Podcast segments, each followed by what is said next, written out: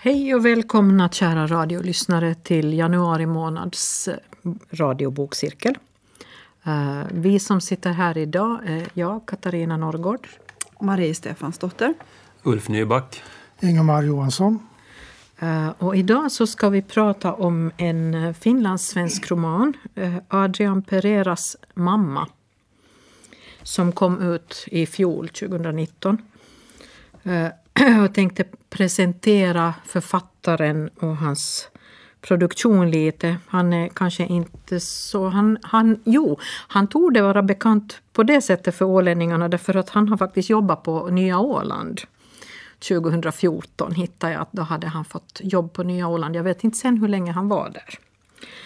Jag tror att han har varit på kanske litteraturdagarna någon gång. Va? Det har han ju. Och så har han det varit han på skolan, eh, gymnasiet tror jag. Mm. Eh, Adrian Pereira då alltså så är född 1986 i Liljendal. Eh, och eh, han vann faktiskt första pris i Arvid Mörne-tävlingen 2016 för poesi. Och 2017 så gav han ut en diktsvit som heter White Monkey. Och eh, den här boken så blev väldigt, väldigt uppskattad. Den fick Svenska Yles litteraturpris samma år, då, 2017. Och, och de har gått så pass långt att man har kallat den för en vändpunkt i den finlandssvenska litteraturen. Och det är ganska stora ord får man ju säga. För ett förstlingsverk då dessutom. Eh, Adrian Pereira så har studerat engelska. Eh, och han har en magisterexamen i litteraturvetenskap från Åbo akademi. Och, eh, enligt hans Wikipedia-sida så jobbar han som frilansjournalist och bor i Göteborg. Eh, enligt honom själv så bor han i Helsingfors. Jag vet inte riktigt. Jag tror att vi tror på det han själv säger. Och han, man kan väl säga att han skriver om att ha rötter i två olika världar och aldrig riktigt passa in någonstans. Eh, den här White Monkey-diktsviten handlar definitivt om det. Och Mamma, den här första romanen nu då, som vi ska prata om idag, så handlar också om det. Eh, huvudpersonen, berättaren, kan, eh, kan man väl klassa som en något opålitlig berättarröst. Eh, man kan aldrig riktigt veta säkert om det stämmer allt vad han säger. Eller snarare kan man väl vara säker på att inte allting stämmer. Eh, för det är ett barn det handlar om som berättar om sex dagar i sitt liv egentligen. Och där tror jag att vi lämnar det här och så börjar vi diskutera boken istället. Eh, vad säger ni om det här, den här uh, beskrivningen att han skriver om att ha rötter i två världar och aldrig riktigt passa in. Känns det som att det är, är korrekt när det gäller den här boken? Alltså det är ju, de lever ju alla i sin språkbubbla kan man säga, kulturbubbla. Ja, det är nog fler än två världar. Det kan ju vara att han presenterar sitt författarskap på det sättet men för den skull behöver det inte komma fram i en bok. Mm.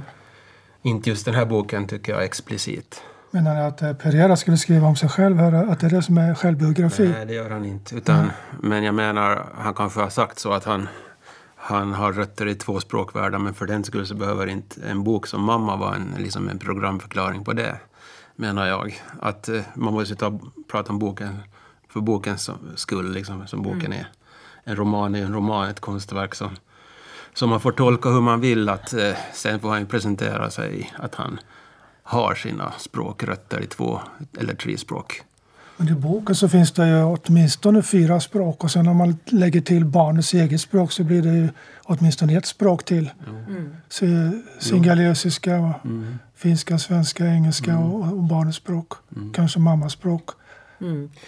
Ja, jag tycker att han är ärlig i den här boken att det är ju ett barn som ser vad som iakttar det som händer och han försöker väl beskriva det ur barnets liksom, syn, synvinkel och kanske med ett, ett språk som också eller flera språk som är präglade av ett barns liksom, syn på saker och ting. Det är ju inte en vuxen författare som skriver, liksom, han försöker sätta sig in i barnets värld och liksom kanske tänka tillbaks till hur det var då när han själv var den här lilla killen, för det är säkert han det handlar om.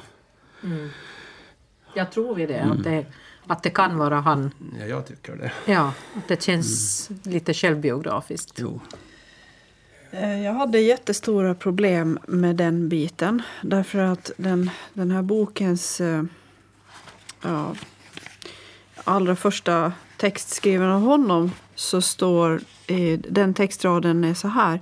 Allt i den här romanen är fiktion, trots författaren. Och eh, efter ett tag så, så jag kände inte till någonting om författaren överhuvudtaget. Men väldigt många av de här ögonblicken känns ju autentiska, eller hur? Jo. Ja. De är väl beskrivna. De, det, det blir, de, de medför en krypande känsla. Man, man, eh, en, en viss vånda infinner sig rätt snabbt över den här. Dels, vi var ju inne på språk, språkliga röran. Och det, det tänkte du prata om de här senare kanske? Också de Ja, här eh, där, hur programförklaringen. Hur han tekniskt går tillväga när han använder eh, fotnoter Ja. där han liksom kommenterar sig själv. Ibland det kanske är mest det jag tänkte upp. Men hela boken är ju liksom en språkmosaik på sätt och vis. Ja, det är det. Och eh, inte bara det att det är korthugget. Det är många korta sekvenser, korta meningar. Och eh, det är också många korta händelseförlopp under de här sex dygnen då som det här barnet beskriver sin, sin, sin tillvaro. Eh, men men eh, ja, det som jag var inne på var att det, det känns väldigt autentiskt och det känns självupplevt.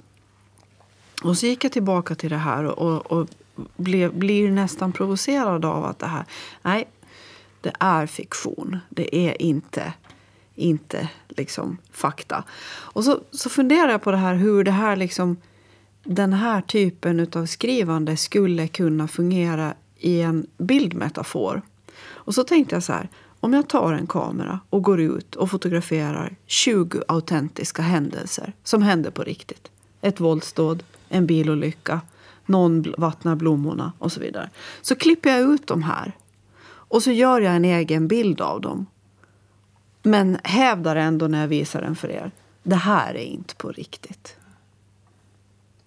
Men jag tänker mig att den här boken, man behöver inte bekymra sig så mycket om det är fiktion eller om det är någon slags självupplevt. För all, det kommer ju i författarens hand och huvud, via det åtminstone.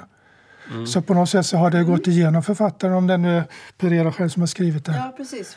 Men Jo, jag tycker den här tonen är så pass innerlig och liksom stark. Den här inre rösten som, som jag, berättaren, har är så stark. Och det måste vara ett väldigt, eh, ganska svårt hantverk att sätta ihop de här bilderna om man inte har den här eh, självupplevda mm, liksom, delen av det med.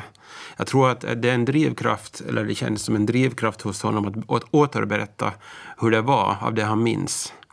Även fast det är väldigt pragmatiskt och faller, faller sönder och så här.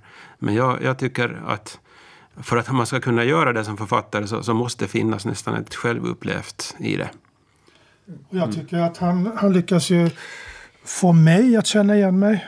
Eh, bara, jag minns mig själv som barn. Man kunde känna sig på något sätt ja, ensam med sig själv och man läser ju av omvärlden. Och uh, den världen är ju fullt väldigt verklig. För, det behöver inte vara verklig för någon annan lika lite som våra olika världar är ver, eh, verkliga för den andra så att säga. Ja, alltså den är väldigt moder, modernistisk den här romanen och jag tänker nästan på en Henry Parlands Sönder som är nästan lite samma sak. Där kan man också... Skärvor. Skärvor, det är liksom man, man slår sönder någonting och så pusslar man ihop det. Är inte modern konst lite likadan? Att man liksom experimenterar med formen. Och eh, det, det ja, kan... alltså den mo- modernistiskt Jo. moderna. Jo. Jo. Och, och där i den här Parlands bok finns det författaren ser sig själv i spegeln, är liksom det här mot, in, intro eller motto.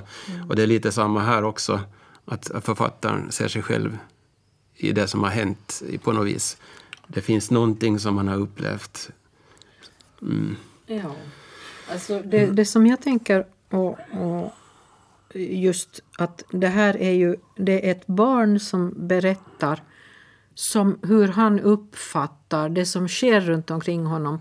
Och det gör ju liksom, det, det är ju, han, han är helt enkelt inte riktigt tillräckligt mogen för att kunna tolka mycket av det som de vuxna gör och säger. Och istället kommer då de här fot, ja, jag tänker kalla det fotnötter fast det inte heter så. Uh, uh, som, där han förklarar olika saker som de vuxna säger. Men det stämmer ju inte överens med det de säger. Nej. Och det gör Men ju också det och så- hela mer intressant. Men det stämmer överens. Det måste ju vara du som läsare som bestämmer vad de säger. Ja... Jo, men det, det blir ju att han liksom, man får ju först de vuxnas perspektiv och sen får man hans eh, reaktion på det de säger. Att han på något sätt eh, idiotförklarar inte de vuxna, men det är lite så att, att han har en annan syn på saker och ting. Han, han förstår mer än vad de tror. Att det är lite det där som, som Men, kommer men fram. Det ligger ju åtminstone tre parallella versioner av det mesta hela tiden. Det är mamman, pappan och grannen eller, eller mamman, pappan, Präst. prästen eller mamman, pappan, familjebekanta. Ja. Eh, Och, och, och de, de skiljer sig från varandra, de här versionerna av hur någonting har gått till eller vad var det som hände. eller Jo, så. så är det nog, men då är det alltid från barnets perspektiv, tycker jag, som det Jo, beskrivs. jo, jo. Men det, det, är ju, det, det är precis som du säger att, att det sker en... en han, han tolkar ju, och, och så är det väl kanske bland alla barn. Men det är precis som du, det du pekar ut, att den, den avviker rätt mycket, hans tolkning från det. Så, här, Men läste jag inte nyss att grannen Men alltså, sa så här? Vad, vad är det som händer om det, om det skulle vara någonting annat än det barnet upplever? Vad är, det- vad är det som händer då? Alltså? Nej, det finns ingen objektiv sanning på det sättet. Det, finns, det beror helt på vem som berättar. Menar, det, Han går ju in i, jag tycker han gör det fantastiskt bra. Han går in i barnets värld och, och beskriver världen utifrån barnets värld. Ja, och då händer ju det i barnets värld som, han, som händer. Inte händer det någonting annat. Nej. Nej. Man kan ju säga att den är realistisk på det sättet. Mycket, jo. För det, det kan man ju konstatera att, att eh, det vet man om man pratar med någon barndomsvän och man diskuterar en, en händelse som man båda har varit med om så har man ofta väldigt olika uppfattning om vad som egentligen hände. Och det här är lite samma sak. Att, att, eh, men, men vi ser ju liksom inte, oftast inte ändå helheten vi heller som läsare. Jag- Jag tycker nästan att den är extremt realistisk. Att han sätter ihop den, den liksom fragmentariska värld som, som de facto var hos barnet.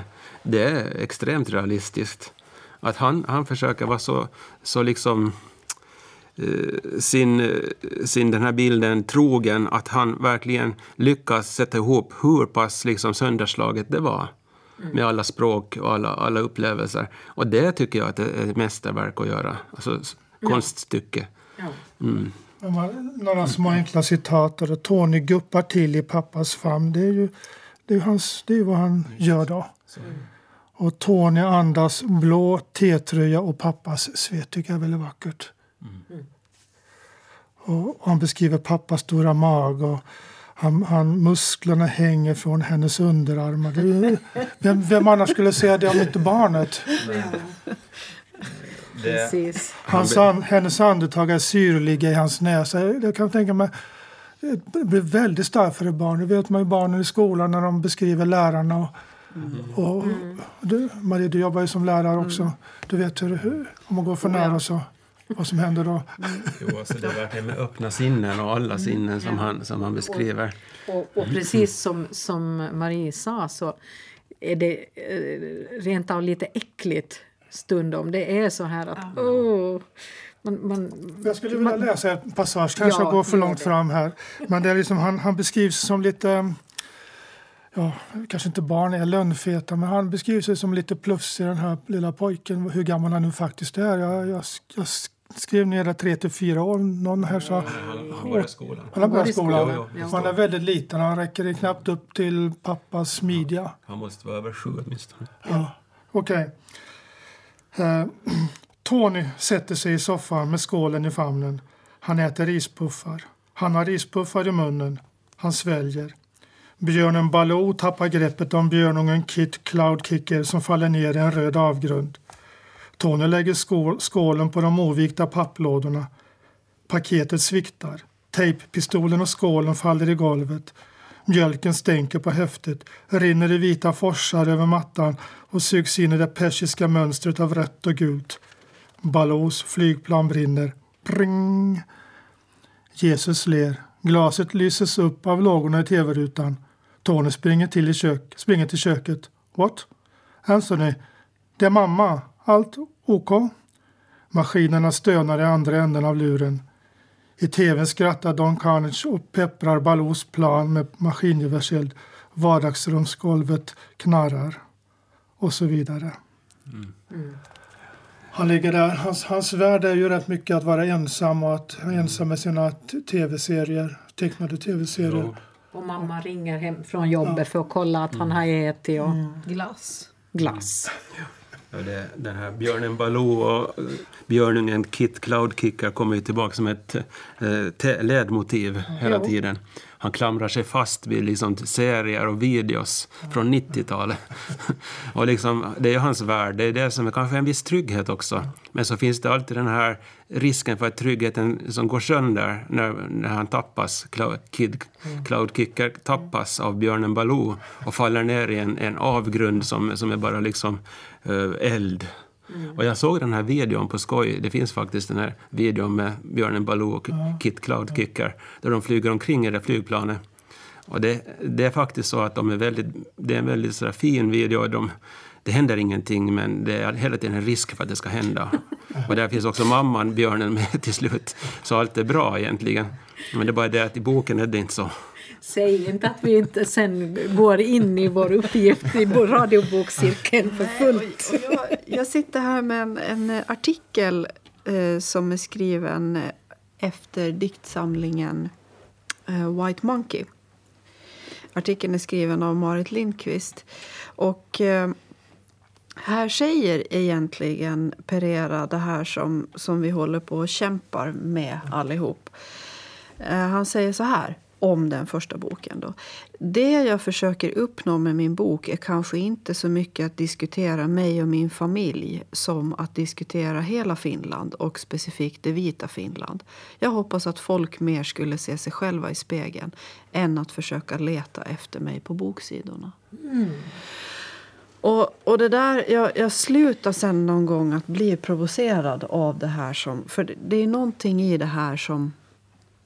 Ja, i boken så söker jag, det som vi var inne på alldeles i början, så söker jag väldigt mycket, eller jag sökte mycket efter honom, efter mm. författaren. Eh, men, men sen så gav jag upp det och började mm. ägna mig lite mer mm. åt, åt, åt texten och berättelsen. Och då blev det lättare. Jag tänkte lite mer så här som, som, som du Uffe. Att, ja, men mm. Han har ju också använt sig av en massa tekniska grepp. Det är klart att han lurar oss också. att det blev inte lika jobbigt. Jag tror han har väl beskrivit sig som en lite arbe arbetarförfattare också. Eller? Mm. Att lite den här arbetarlitteraturen. Mamman jobbar ju på en fabrik. Jo, fabrik. Jo. Vad heter den där firman som jobbar på? Omnipack. Omnipack. Omnipack. Ja, packar, packar liksom, på, på fritiden också sitter hon och packar de här askarna med vad det nu är. Var det våtservetter? Våtservetter, ja. ja. Jo. Så Hon har ett helt rum fullt med våtservetter hemma. Jo. Och eh, då får man ju en inblick i den, den världen. Eh, de som kommer utifrån till Finland och jobbar på sådana här jobb och har ett barn och som måste vara mycket ensam hemma. Hur, hur den upplever det. Det är ganska nytt för finsk litteratur kanske. Jo, det, mm. Det får man väl säga. Ja, därför att tidigare har ju finnarna gjort samma sak. Om man tänker åkt bort till mm. Sverige till exempel mm. och jobba. Och där har barnen kanske suttit mycket ensamma hemma. Svinalängorna, kommer ja. tänka på den boken mm. till exempel. Ja. Mm. Jag tycker den har ju liksom olika delar i boken. Han, sk han skriver ju inte om allting samtidigt. En stor del av boken är ju, tycker jag, man kan läsa som en pappaläsning, pappa-bokrelationen, mm. pappa-barn. Mm. Inte för att upptäcka allt det som är så jättebra i mig som pappa utan liksom själva det som man kanske svettas och våndas över att som han lyfter, på, lyfter katten på bordet. Liksom. Mm.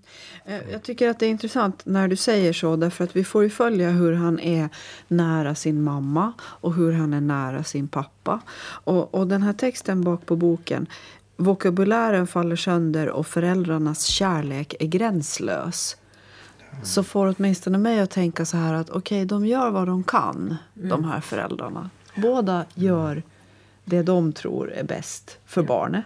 Det, är liksom ett här, det kan man läsa ibland, på, eller inte så bara ibland, utan rätt ofta på Facebook att jag älskar mina barn så mycket.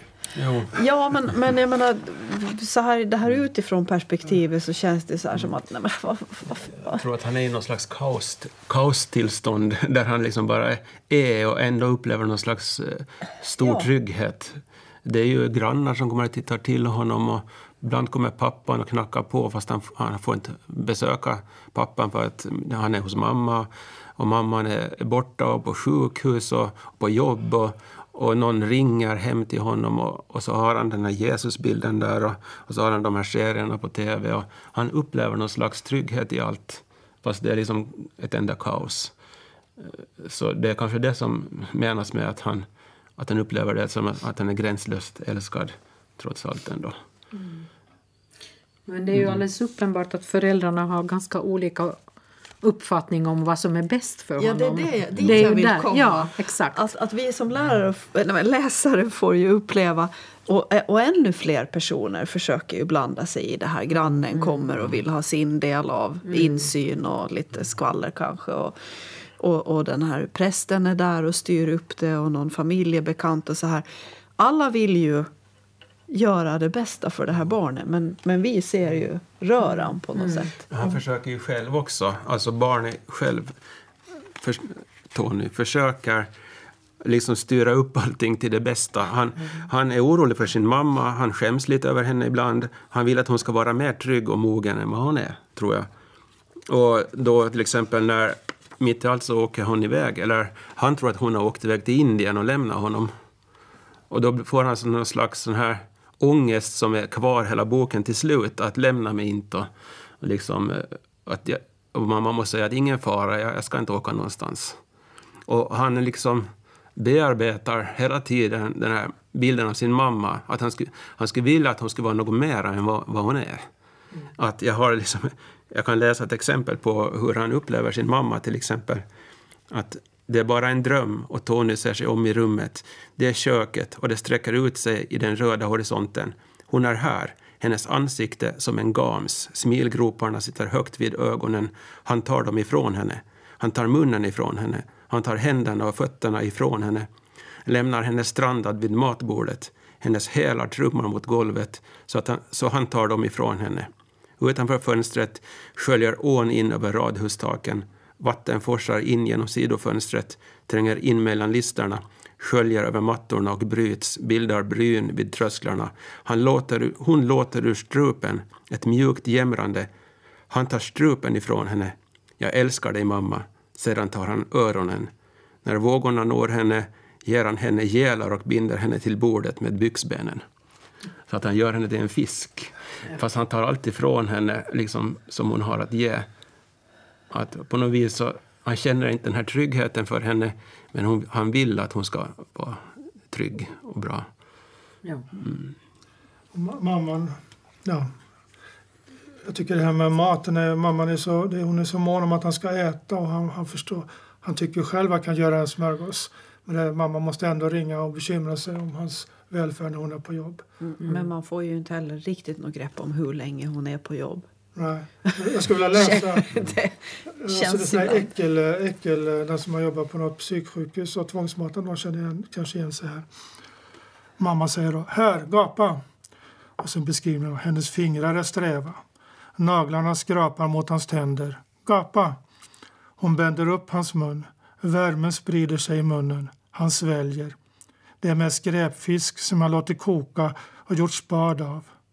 Magsyra och spad störtar upp mot svalget. Nej, inte där. Spy ämbaret. Här. Det är, han, alltså, han, han förmår faktiskt gå in och, och, och ta tag i barnets upplevelse när, när mammas fingrar tränger in i munnen och ska öppna den. Jo. Men jag skulle ändå säga att det här är en, en så barnets, det är en, tycker det, det här, att det skulle vara en förnyelse av litteraturen i, i Svenskfinland. det är att jag upplever den som tredimensionell på något sätt när man har de här um, fotnötterna som där uh, först har man den löpande texten mm. och den är som den är. Och sen tittar man på fotnötterna, ja där har man barnets upplevelse av det som ofta är det mamma som har sagt eller gjort någonting. Fast det var väl diktsamlingen som var en förnyelse av finlandssvenska litteraturen, ja, inte den här. Mm. Det var, det, det var den åtminstone mm. som fick det epitetet. Ja. Det här är ju då en, eh, en, en litterär utveckling av det poetiska uttrycket. Mm. kan man säga. Men just de här fotnötterna så har jag också ett exempel på hur han använder dem. Mm. Att jag faktiskt den första boken som jag har läst, eh, romanen som har fot, fotnötter, uh, till exempel, det är när han är hos läkaren. Uh, läkarens mun rör sig. Han har ett skärsår under näsan. Läkaren lägger en hand på sitt bröst och mimar en bälg och sluter handen. Mimar en bälg håller upp sina blå läkarhänder framför sitt ansikte som två stolpar och för händerna fram och tillbaka. Men vi ännu tar CTP i han varmoden vuxi. kan du säga till henne, så kommer 34 fotnot, sa han CIT eller CRP eller CNP. En blodåder studsar i hennes hals, i vallgraven mellan senorna, fäst någonstans i hennes hjärta. He says it's not dangerous, it just feels bad. Läkaren skjuter in tumme och pekfinger under glasögonens dynor och gnuggar.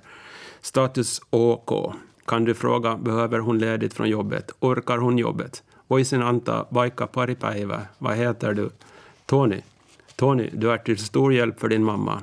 Och så du kan redan så många språken. Säkert mamma talar engelska hemma. Läkaren vinklar hennes hand i lyset tills handflatan är mer rynkor än hud. För det här provet, vi tar blod härifrån. Baltimo, mitessenyton, artären. Det kan kännas lite konstigt, men det går fort, bort fort. Don't worry, sen kommer 35. Var är pappa? Han stirrar på vaggan i hennes handled, precis under tummens båge. Lyset löper längs nålen. Mata epa.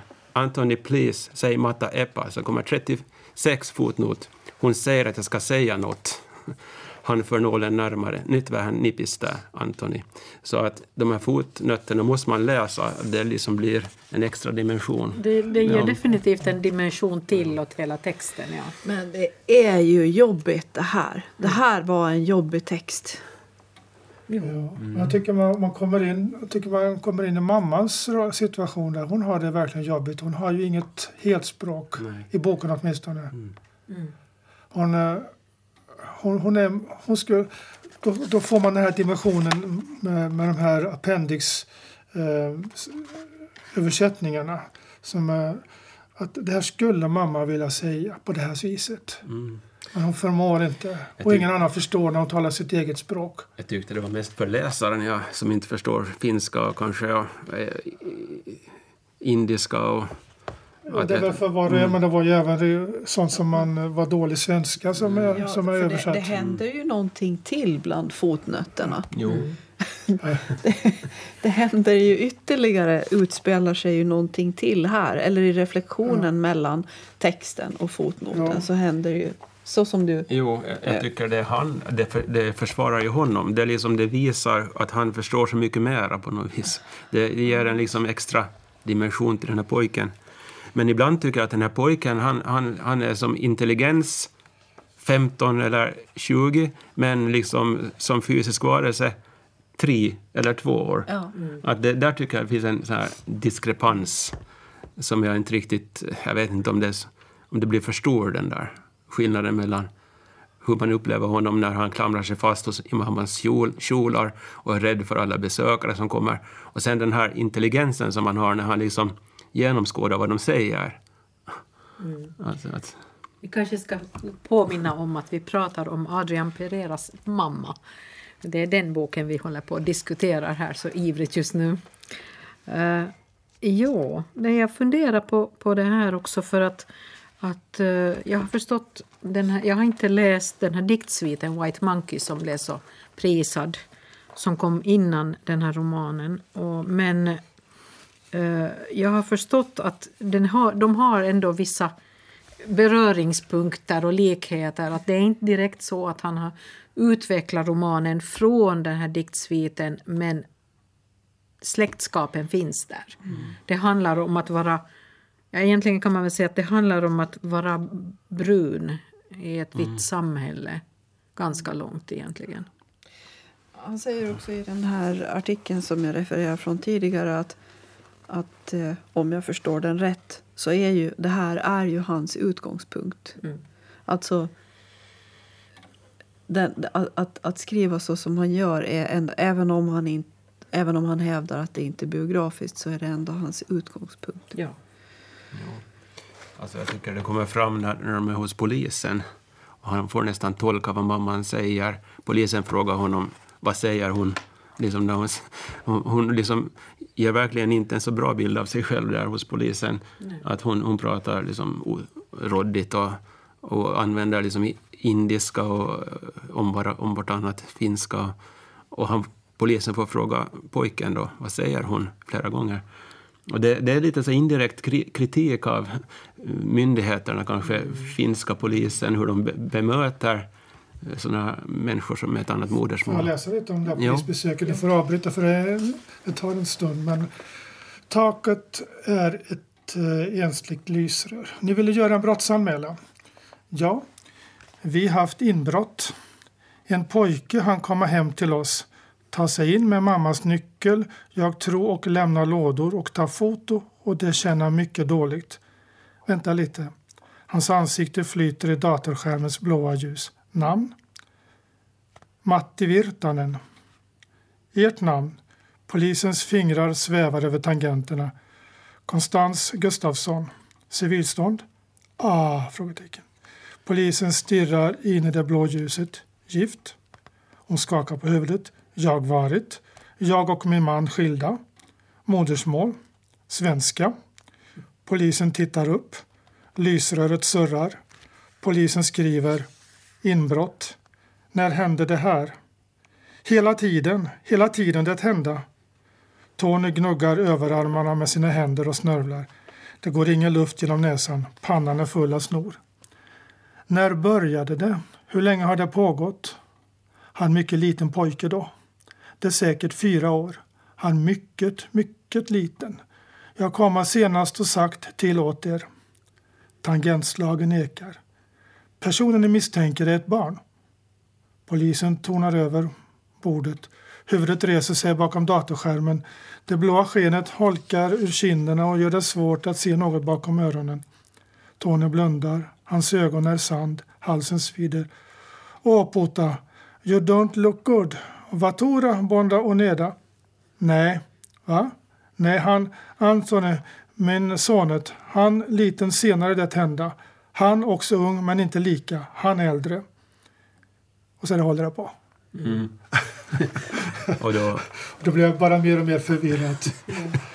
Eh, det är ju det som är, alltså, det är ju lite samma sak när, när med det här uh, vistelsen för mamman och när hon blir väldigt sjuk. Och, och, och att oavsett hur gammal han är, och det vet vi ju inte riktigt exakt hur gammal den här pojken är, men, men han hamnar på något vis i en mellan, situation att han är mellan mamman och de här myndigheterna, läkarna och, och får vara den, den som egentligen är vuxen. Mm. Och det där känner jag igen. Det är många, många svenska författare med invandrarbakgrund som har beskrivit det här. Mm. Hur det känns att plötsligt som 12-13-åring vara den som får sköta alla de här myndighets diskussionerna för att föräldrarna har inte språk så att de klarar av det. Sånt har jag hört på Åland också. Nu får ja. man inte tala finska i skolan och barnen får översätta åt föräldrarna och sådär. Mm. Och då var det mina barn gick i skolan. Jo, det, jag tänker på såna andra ungdomsböcker också som, där föräldrarna nästan är mera barn än barnen. Mm. Att det finns något Ulf Stark som har skrivit mm. om, om någon mamma som gillar Bruce Springsteen och gillar att dra iväg till nästa ställe utan att de hinner bo någonstans egentligen. Att, uh, och sen kanske redan de här Maria Gripe Elvis-böckerna när, när mamman döpte pojken till Elvis mm. och för att hon gillar Elvis. Att, och är det inte här också den här boken någon som klär ut sig till Elvis och, och de här indiska vännerna som kommer på besök. Ja, precis. Jo.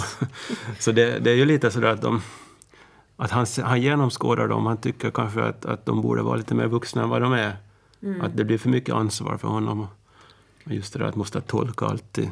Och, från myndigheterna mm. också. Det problemet har han ju inte på det sättet med pappan. Men där är det då istället det här att, att, att pappan kommer bara ibland. Han, han försöker ju sen ställa upp när det behövs men samtidigt så kan han inte riktigt låta bli att, att, att hur ska jag säga, med, med lite ungdomligare språk, han dissar mamman. Ja. Han, han, han talar väl inte, jag kan, kan inte säga att han talar illa om henne men han är inte positiv heller. Nej, han tycker inte att hon sköter om honom bra. Nej, precis. Han, Nej. han, han är kritisk mm. till hennes sätt att, att ta hand om sonen. Mm. Jag tycker det är en kul sak där i boken att man undrar jag undrar, föräldrarna är ju skilda, eller barnens föräldrar, föräldrar eller Tonys föräldrar är skilda. Men, varför skilde de sig? Barn, man går in i barn och barn och Tony frågar dem, varför, varför skilde ni? Frågar ja. mamma säger pappa. Mm. Och när han frågar mamma så är it's, it's difficult, och säger hon då. Mm. It's hard to live. Ja. Han vill ju veta, alltså Tony han frågar många gånger tyckte ni inte om varandra eller älskar pappa inte dig? Och sådana här saker. Han snappar ju upp precis allt de säger mm. och, och, frågar mamman. Och hon säger bara it's late, it's time to go to bed. Mm. Det tycker jag är, är en av de mest frustrerande delarna med de här samtalen i den här boken. Att det vrider sig undan hela tiden. Mm. De frågorna han ställer får han baske med inget svar på. Mm. Eller när han börjar få lite svar, då byter svaren karaktär beroende på vem han frågar. Hela tiden lite, lite, lite, lite bort från... Mm. Uh, uh. men men hörni, vad är det riktigt som händer med de här bilderna här någonstans? Fyra femtedelar i boken in. Jag, jag hänger inte med bilden av den, det här, vid det här inbrottet. Mm, ja, nej, det, jag, den var lite knepig det faktiskt. Var ja, alltså min Smygfotografering. Ja. Min tolkning är att uh, vaktmästarens pojke i huset där de bor har tillgång till nyckeln där han kan gå in och kika på mamman när hon duschar genom ett hål i väggen. Tydligen så går hon ner i källaren eller någonstans och duschar och då är han där och tar bilder. Eh, som han liksom, eh, så hittar de här pojkarna, eh, Antonys pojkar, eller vänner när de är på besök, de indiska familjen, de här bilderna. Och sen uppenbarar det sig att det var något konstigt och Anthony måste snabbt in och sen blir det polisförhör. Men, och sen, det är alltså en, en, en som har tagit smygfotografera som är 16 år, mm. och mamman. Och mamman sa att det har pågått länge och att man inte kan göra någonting åt det. Och polisen förstår inte. Nej. Och, och förstår inte vem, att, att, att du, liksom, de kan göra en eh, sån här anmälan tillbaks för att, eh, att du, vad heter det där, man Smutskastar, smutskastar någon, ja. ja. Ärekränkning. Ja. Alltså den, den, den delen hade jag också ja. väldigt svårt att, att förstå. Ja. Jo, jag förstod rent tekniskt att det här var något sån här mm. med, med smygfotografering. Men för det första, varför? Och för det andra, var, var, var, varför? Det, det är liksom en sån här maktlöshet på något vis. De kan, det går inte att göra någonting åt det. Nej. Hon kan ju inte heller tala om det. Hon har inget språk. Nej. Nej. Det, Nej. Det, då pojken... lyckas ju författaren väldigt bra med oss. Jo. Mm. Ja, och pojken jag, har känns ju inte riktigt... Hela mitt bröst, mellangärdet sätter det sig liksom som... Jo. Det trycker på. Mm. Jag, jag, blev så, jag blev så blockerad så jag lyckades. Jag, jo, jag kom så långt som du, men jag, kom, jag, kommer inte, jag kan inte ta mig igenom ord för ord och få ett sammanhang.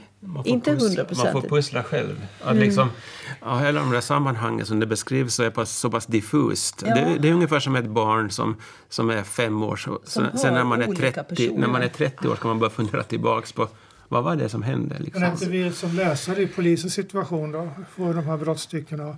Vad säger hon egentligen? Jo men alltså är det inte riktigt lite som trasiga telefonen det här? Alltså den här leken mm. som barn. Liksom att, och sen det, det blir liksom, det, det, ändrar hela tiden och så plötsligt är det någonting som det inte alls var från början. Ja, så jag ser det, känns som att, att det finns där. Det som har hänt, det finns där. Det har hänt, men han lyckas inte beskriva det. Han lyckas inte förstå. Alltså Mm. berättaren, jaget, Tony. Han, han beskriver det precis som, som det var. Att han förstod inte vad som hade hänt. Allt var bara liksom ett mörker. Mitt i allt kommer mamman och rycker undan mig. Du måste komma härifrån. Du får inte se på de här bilderna. Och sen ligger han i något rum och sen vet han inte var mamman är någonstans. Jag tycker att det är väldigt realistiskt Ja. pusslat. Ja, det är väl det att Ja. han, han är ju inte tillräckligt gammal. Alltså han, han har inte mognaden för att förstå vad det handlar om heller. Och det är nog, det är väl, ur den, på det sättet är det väldigt väl beskrivet. För man, man blir som läsare också väldigt frustrerad. Men vad, vad, vad är det som händer? Och man får inte riktigt veta det. Och ibland så är äh, björnen Baloo på väg att tappa Kit Cloudkicker i den här avgrunden. Och ibland så lyckas han rädda honom. Och det här kommer tillbaks. Det beskriver lite hur han känner, hur han mår. Ja. Och han har bara den där videon som han sitter och tittar på. Ja, ja, det där reagerar jag på. Det, kom, det var många gånger han när björnen Baloo var ute.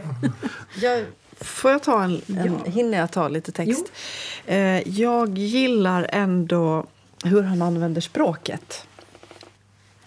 Eh, och eh, jag tar en, en liten bit när grannen Ulla-Maj kommer in. Molnen glider över himlen, vita genom tallgrenarna, krälar mot grannens staket. Tony tittar på tvn.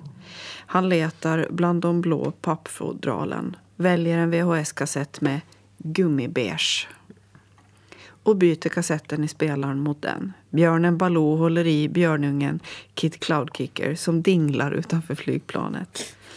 Gulnande solsken böljar över luftbubblorna i videoskåpets inplastade glasdörrar söker sig upp över handtagen mot tv-skärmen. Tony skymmer solen med händerna. Det snurrar i huvudet. Han vrider sig bland soffdynorna, vänder sig bort från tvn, sluter ögonen med pannan mot det svala ryggstödet. Halsen utvidgas och han trycker, och trycker mot käken. Han kräks luft. Tony stiger upp. Det svartnar för ögonen. Rummet krymper. Kaffebord och blomsterhylla faller bort. Kanterna flyter ut tills allt som återstår är köksdörren. Knäna glider runt en halv meter ovanför fötterna. Golvet sviktar under mattan. Tony tittar ner förbi Looney Tunes och fläckar av glass. Bakom Tonys mage hägrar grötskålen. Den ligger på mattan. Han tappar den. Skeden glimmar. Han böjer sig ner, ser sin hand sväva in i bild. Fingrarna nuddar vid skålen. Skålen är hård. Han har skålen. Han går. Köksdörren simmar närmare. Tony sparkar till tejppistolen. Köksgolvet sträcker ut sig, gyllene och varmt utanför fönstret. Fåglarna sprakar och himlen brinner blått. Flingpaketet är omkullvält. Flingorna ligger som en sandstrand på bordet. Mjölken spegelblank under grötskålen. Skeden smakar metall i munnen. Flingorna krasar mot tänderna. Mosade flingor ligger på tungan. Mosade flingor ligger i halsen. Han sväljer. Mosade flingor täpper till halsen. Sväljer. För skeden ner i skålen med flingor. Tetröjan äter sig fast i ryggen. Anthony! Mjölk rinner längs hakan när han tittar upp mot fönstret. Ulla-Majs keps är blommig av torkat svett. En grynig siluett åker över loggon av broderade fyrkanter. Anthony, hallå! Din mamma ringde och frågade om jag råkade ha vägarna förbi här. Ids du öppna dörren? Det är så otroligt varmt. Hennes rosiga ansikte skimrar under skärmen. Oj, oj vad det är varmt. Får jag sitta ner en stund?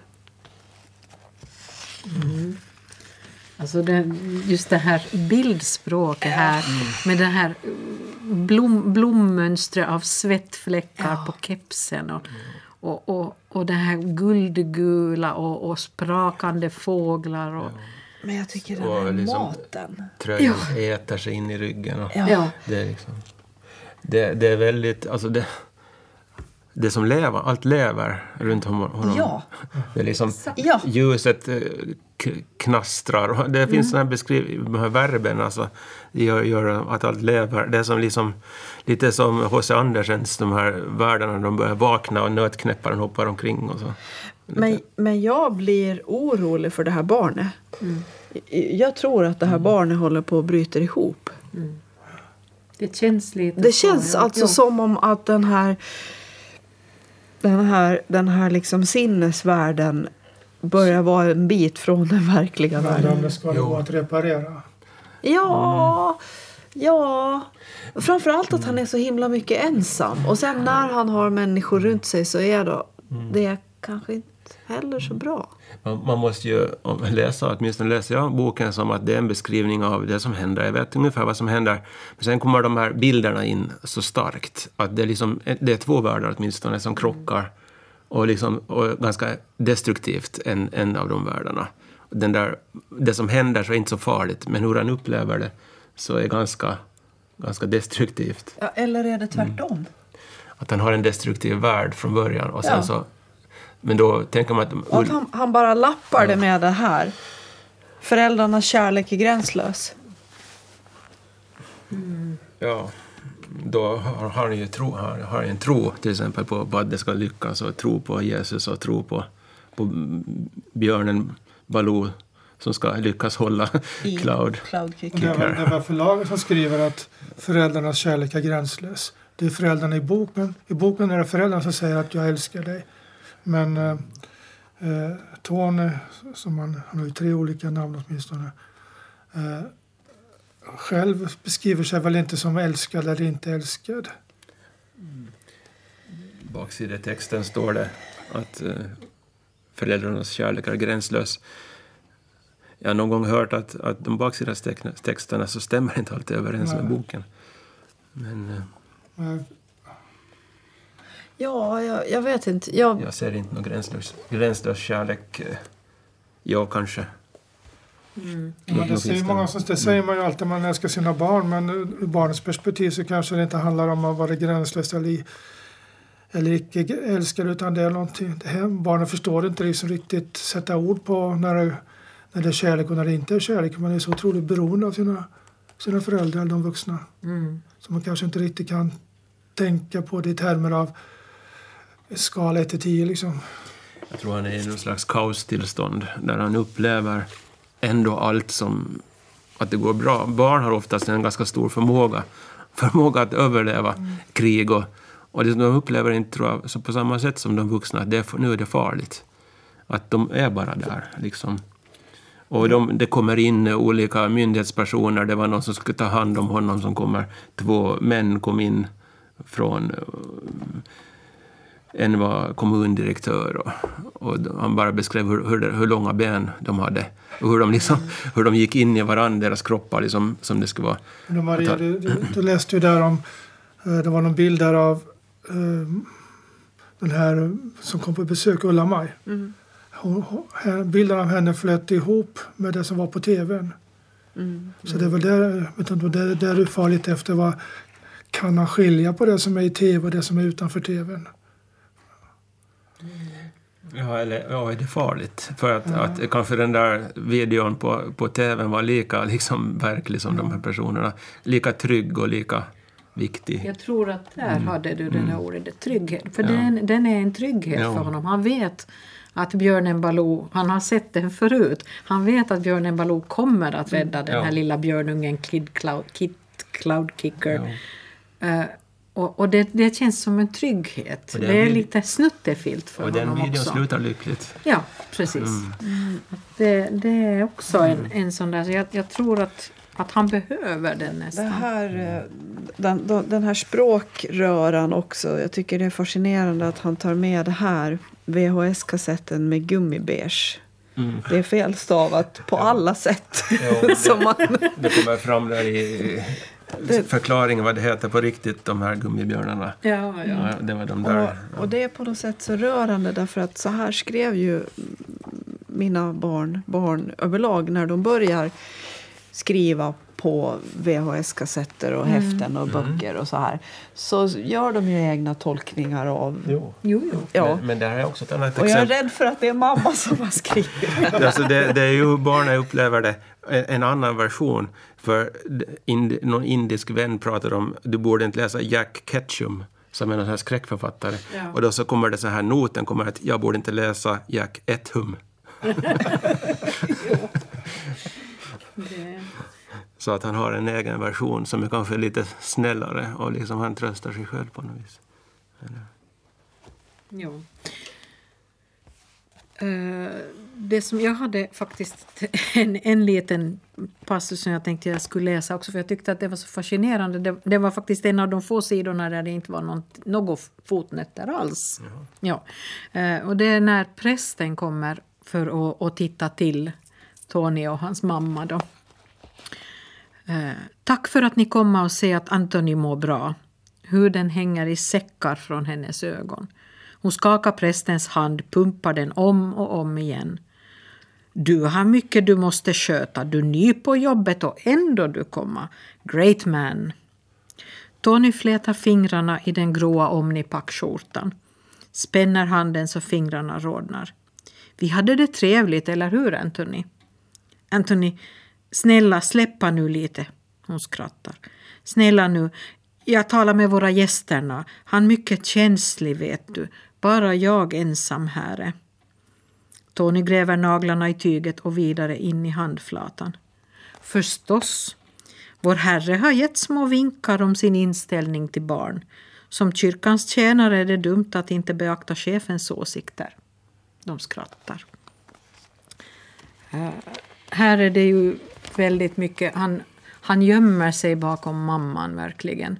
Och, och, och just det där att han klamrar sig fast vid henne. Eh, och den här prästen, ja, jag vet inte, man får inte riktigt någon sån där jättepositiv bild av honom egentligen tycker jag. det får man ju inte av någon. Nej, det är sant. Det, Det är han- faktiskt han är- vuxen- utgör ingen- nej. nej, nej, alltså ingen är. Inga, inga av de vuxna och inte av barnen heller Nej. för den delen. Men är det, är det moraliskt på det sättet då, så jag tycker barnets perspektiv det är väl liksom amoraliskt på något sätt.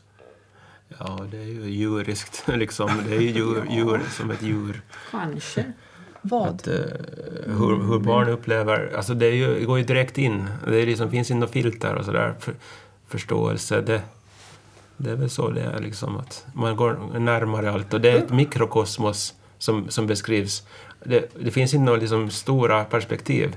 Allt, allt det där som är runt är borta. Det, är bara, det är bara det där som finns i rummet och, och liksom fragment. Jag tycker Så- det är kul att vi, vi är erbjudna att bli kompis med en Pota eller Tony. Ja, jag tycker, jag, jag tycker man... Men alltså, jag vet inte riktigt hur mycket tid vi har kvar men det finns, de här sist, den sista raden tycker jag är bra eh, sammanfattning av mamman åtminstone. Look around Pota, we are safe. Inget att vara rädd för, everything is okay. Så, Hur många gånger har hon sagt det? exakt.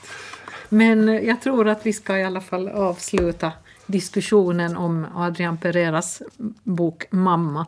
Där. Det, det låter positivt i alla fall. Everything is okay. Allt är bra. Eh, Eh, vi kommer att återkomma med radiobokcirkeln i februari. Och då ska vi prata om Maria Turchaninovs bok Maresi som har några år på nacken redan. Så tills dess så får ni ha det bra alla radiolyssnare och läs mycket böcker. Hej då!